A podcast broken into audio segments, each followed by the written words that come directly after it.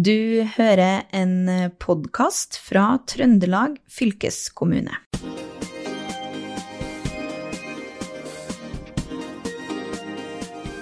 For eh, kort tid siden ble det arrangert en stor samling for lærlinger i Trøndelag. Et av temaene som ble tatt opp, var personlig økonomi. Dette er et tema som blir stadig mer aktuelt i forbindelse med høyere renter og dyrere mat. Det er eh, kort fortalt blitt dyrere å leve. Og en som eh, forsøker å gi de unge råd om personlig økonomi, er privatøkonom Elda Rønning i Sparebank1 SMN. Velkommen til Fylkesboden. Takk for det. Ja. Og aller først, eh, er de unge i dag flinke til å ha oversikt over sin egen økonomi? Jeg tror det varierer veldig. Vi ser jo det at eh, økonomiske vaner og økonomisk kalle, mm, kunnskap det går litt i arv fra foreldre. De lærer litt om det på skolen, eh, men de lærer absolutt mest hjemme. sånn at jeg tror ikke jeg tror det er litt som det har vært hele tida. At det er litt eh, sånn kunnskapsgap mellom dem som har fått gode råd og, og vink hjemme, og dem som ikke har fått det. Og jeg mener at det er veldig viktig. For det blir en stor del av livet uansett hva du utdanner deg til og håndtere dine egne penger og økonomi. Mm. Og nå har jo du hatt uh, sånne webinar uh, for uh, unge. og Hva har du inntrykk av kommer fram av spørsmål? Hva, hva er liksom store bekymringer når det kommer til personlig økonomi? Det er ikke, kanskje ikke så mye bekymringer, men det er litt sånne enkle råd og vink i forhold til hva er lurt å gjøre. Spar til bolig, BSU-sparing, altså boligsparing for ungdom. Eh, og hvordan man skal håndtere det eh, i forhold til gode råd og tips. Mange lærlinger begynner å tjene penger. Eh, så det, det, er veldig lurt å få en god start på voksenlivet med at man tilegner seg gode økonomiske vaner, da, og ikke bruker mer penger enn man har, og først og fremst at man klarer å begynne å spare. Mm, ja, spare. Og det, det, er jo ikke, det er ikke bare bare når man er ung og ikke har så mye penger å ta av. Nei, det er ikke det. Og det, det er jo en tøff start ofte. for du du studerer, kanskje har du studielån, eh, kanskje har du en deltidsjobb, eh, så du har ikke så mye å rutte med. Eh, og da må du i hvert fall ta utgangspunkt i at du har ikke så mye å rutte med, så du kan ikke sløse bort pengene. Også det å ha en økonomisk buffer og ha litt penger til overs hvis du skulle få behov for det, det skulle komme noen uforutsette utgifter. Men det å begynne å spare så du har noen ting å tære på, og ikke minst det å få motivasjon. Da. Og, penger er jo fordi at du skal bruke dem. Men å spare til noe du ønsker deg, det gir en veldig god tilfredsstillelse. Da, og da da begynner du å tilegne deg noen gode vaner da, på hvordan eh, du skal bruke og disponere eh, de mm. pengene du har. Da. Mm. Det har jo aldri vært flere hjelpemidler, eh, digitale hjelpemidler for å få eh, oversikt over sin egen økonomi. Eh, har dette ført til at eh, færre unge har betalingsproblemer, og at de nå er flinkere da, til å disponere egen penger? Nei, jeg tror ikke det er heller nesten motsatt. Vi ser jo det at tilgangen til ja, ulike kjøpsløsninger, eh, kredittkort, forbrukslån. Eh, hvis du går på en elektronikkbutikk, så får du muligheten til å kjøpe det på avbetaling. Sånn at heller motsatt. Eh, men hjelpemidlene digitalt finnes der. Men det å sette opp et budsjett kan være så enkelt som å ha et ark det med en strek på, med inntekter og utgifter, og, og planlegge litt. Men vi ser jo det at fordi at det unge i dag har et helt annet sosialt press i forhold til sosiale medier. Det kjøpspresset har blitt mye større nå enn det var. Man skal være lykkelig, man skal være perfekt, og det koster ofte penger. Så er det en del som kommer skjevt ut, begynner å ta opp forbrukskreditt som er veldig dyr, og som gir en dårlig start på voksenlivet. Når du kanskje skal etter hvert kjøpe deg bolig, så har du ikke noe sparepenger. Mm. Men hva skal man gjøre da for å motstå presset? Det må bli helt eh, greit å si at man ikke har råd, eller ikke kan ta seg råd. Vi, altså, for sånn er det. Du må måtte sette tæring etter næring. Hvis du ikke har penger til å kjøpe deg den jakken, eller til å bli med på den gutteturen eller jenteturen, eller å kjøpe ny Mac eller en ny iPad, så kan du ikke gjøre det. Mm. Så, det, så det, må, det, må, bli sosialt akseptert å faktisk si at man ikke har råd, for det er garantert flere i vennegjengen som er i samme situasjon. Og så er det jo sånn at noen av oss har mer, kanskje har foreldre som har bidratt med penger så man har god råd. Men da må det være greit, for de fleste av oss er ikke født med sølvskje i munnen og har ikke masse penger vi kan bruke på fest og moro. Så det tror jeg kanskje er et av mine beste råd, at det må være greit å si at man ikke har råd, for det er garantert mange i samme situasjon. Og så vil det forsterke seg at prioriter eh, og spare litt penger, og bruk dem selvfølgelig når du har muligheten, men du kan ikke eh, bruke mer enn du har. Mm. Men, men, eh, tror du det er greiere nå å si fra at man uh, ikke har råd, altså sammenligna med for uh, fire år siden, da, da vi ikke var i en så krevende økonomisk situasjon her i Norge? Jeg tror nesten det er fordi det har vært veldig mye fokus på det i media. Vi ser at program som Luksusfellen og litt sånne program som tar opp det med å få økonomiske problemer, gjør at bevisstheten blant folk, og spesielt unge òg, er der. Så jeg tror det er helt Jeg tror det er mye mer greit å si det nå, men jeg tror jo det er litt sånn stigma rundt det, at at man føler seg fattig, men å være student, da er man jo ofte litt fattig, på en måte, for man har liksom ikke kommet i gang og begynt å tjene penger. Men det er jo ganske viktig da, at man faktisk ikke bruker mer penger enn man har, og at det er sosialt akseptert å faktisk si at men det kan ikke jeg, jeg må prioritere pengene dine annerledes. Mm. Du jobber jo i bank eh, og møter jo litt folk som har eh, problemer. Eh, hva tror du? Tror du at det blir verre framover, eller er vi over det verste? Jeg tror Eh, dessverre at det blir verre, fordi at, som du sier, rentene har gått opp, alt har blitt dyrere. Folk har ikke vært vant til det. Vi har hatt et lavt rentenivå. For min egen del, som er litt over 40, har ikke vært vant til det, det kostnadsnivået som er nå. Det er mindre igjen til forbruk. Eh, og det gjør veldig inntrykk da, på meg som finansrådgiver når voksne folk eh, kommer i banken eh, med økonomiske problemer og, og, og, sitter og skriker fordi at de vet ikke arme råd. Mm. Derfor er det viktig at de unge i dag tenker over at dette her kan få ganske tøffe konsekvenser hvis man kommer ut litt skjevt fra hoppkanten. Eh, så det er lurt å være økonomisk bevisst og ta utgangspunkt i sin økonomi eh, og håndtere den på best mulig måte. Så det å tilegne seg gode økonomiske vaner, det har du nytte av hele livet. Eh, så det er en ganske viktig start på voksenlivet. da. Mm. Burde det vært mer fokus på det i skolen? At det kanskje er et eget fag, nesten? Ja, det mener jeg absolutt. For dette her er noe alle må håndtere resten av livet. Så det er personlig økonomi og sånne enkle råd og triks, sånn at det ikke blir avhengig av at du får eh, kunnskapen av dine foreldre, for da blir det et skille i samfunnet, dem som får det og ikke får det. Så skolen er jo den plassen der alle får det samme um, kunnskapsgrunnlaget. Og jeg mener at personlig økonomi er en veldig viktig del å lære bort ting rundt, da, som enkle ting. Hvordan funker å få ei regning? Hvordan er et kredittkort? Uh, hvilke sparemuligheter har jeg? Hvordan bør jeg disponere pengene mine? Så jeg tror det bør komme inn mer eh, opplæring rundt det her temaet framover. Mm.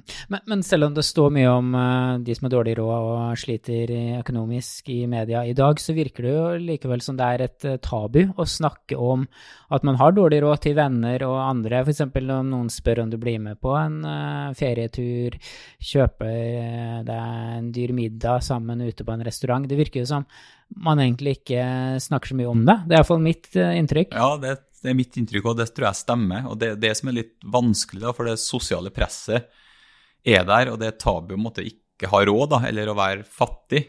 Jeg kommer fra en helt vanlig familie med lavtlønna foreldre, men, eh, men, det er 25 år siden jeg var måtte, student, eller 15-16 år, da, og det er litt annerledes i dag. I dag har alle nye biler, alle har den nye flatskjermen og PlayStation og diverse. men det er ikke sikkert man egentlig har råd til, i hvert fall ikke som kostnadsnivået har blitt i dag. da.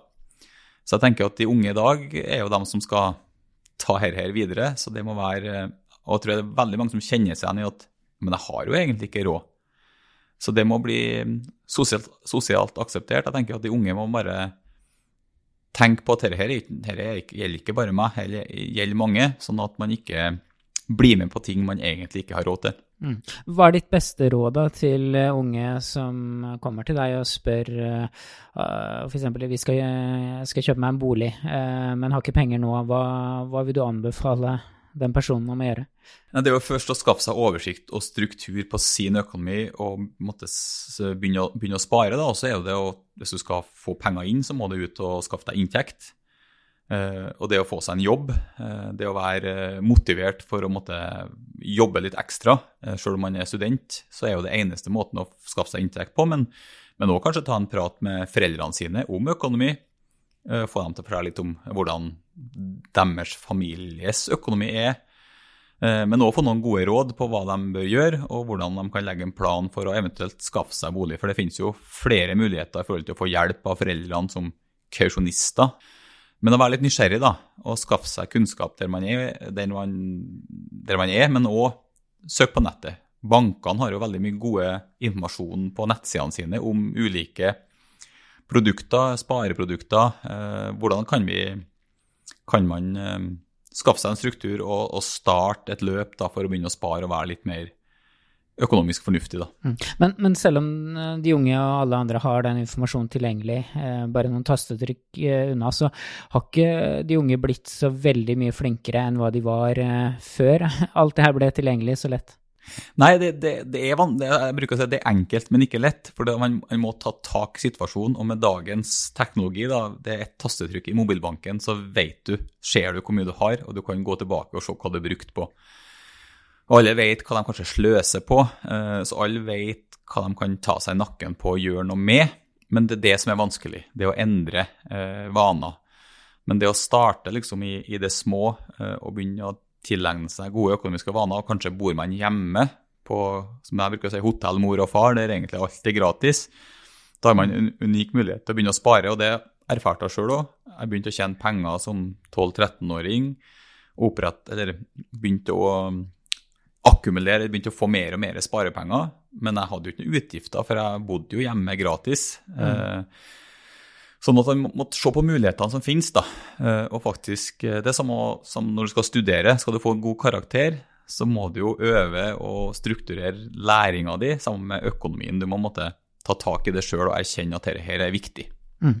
Vi, vi, skal begynne å runde av, men vi, mm, jeg vil gjerne at du, du gir noen gode råd da, mot slutten for uh, hvordan de unge kan få bedre oversikt og på sikt uh, råd til det de uh, egentlig trenger. Jeg tenker å ta utgangspunkt i mobilbanken og opprette en sparekonto og begynne å spare fast. det er egentlig tror jeg, det beste og enkleste mm. rådet, fordi det er da man ser at det er motiverende å spare. Men hvor mye skal de spare, da? Så mye de kan spare. For det er veldig forskjellig. Eh, og kanskje snakke med foreldrene eh, i forhold til BSU. Hvis man begynner å få eh, skattbar inntekt, så får man òg 10% skattefradrag på BSU. Men de har ikke sikkert man har råd til å spare og låse av pengene til boligformål. Kanskje kan man få hjelp av foreldrene til å spare BSU, så man får skattefradraget. Men veldig mange har ikke en sparekonto i dag. De har bare en brukskonto på visakortet sitt. Ja. Så første budet er jo egentlig å opprette en sparekonto.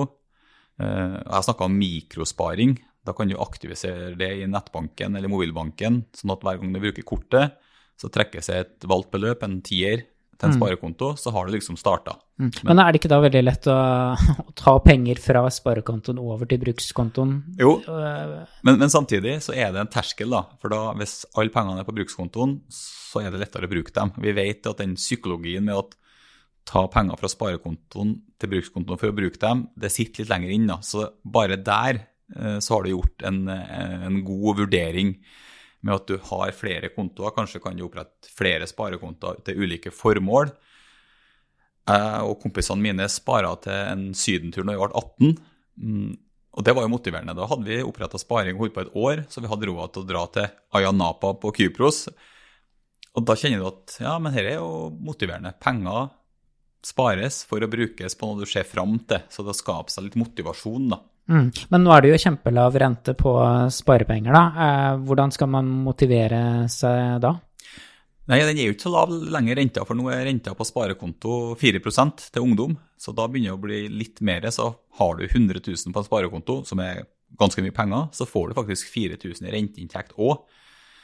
Eh, og det er jo det som er når renta stiger, så stiger jo innskuddsrentene. Så, mm. så 4 begynner å bli litt, kontra for to år siden den var under 1% Ja, Så det går i hvert fall mot eh, lysere tider når det gjelder sparerente, da? Sparerenta går oppover. Så for oss som har lån, så er det litt eh, tøffere i forhold til renta, men innskuddsrenta begynner å bli bedre, og renta på BSU-konto, boligsparing for ungdom, er faktisk 6% Sånn at da begynner det å bli litt renteinntekter å hente. Men opprette fast sparing og en sparekonto i tillegg til brukskontoen. Det tror jeg er kanskje det beste og enkleste rådet. Mm. Og helt på tampen, da har du et uh, kjempegodt råd, som kanskje er det beste rådet da, for uh, unge som vil uh, komme inn i en god økonomisk tralt? Ut og skaff deg arbeid og inntekt. Det er masse muligheter rundt omkring. Altså Nabolaget, kanskje noen har, vil male huset sitt, klippe plen få seg en deltidsjobb. Ut og, ut og skaffe dere inntekt og skaffe dere en jobb, så dere begynner å tjene penger. For da, da blir jo det bedre å, å, begynne å spare, da. Så, mm. Og en del av det eh, kan være skattefritt òg, kan det ikke? Jo, frikortgrensa er jo 70 000, så man kan tjene inntil 70 000 skattefritt. Eh, og det finnes òg en del skattefrie småjobber. Sånn at søk på jobb, eh, bruk nettverk, snakk med foreldrene. Kanskje de kjenner noen, kanskje noen i nabolaget som ja, skal male huset eller har behov for å få hjelp med hagen. Ut og skaff dere penger, eh, for da har dere et mye mer, bedre utgangspunkt for å begynne å spare, i hvert fall. da. Mm.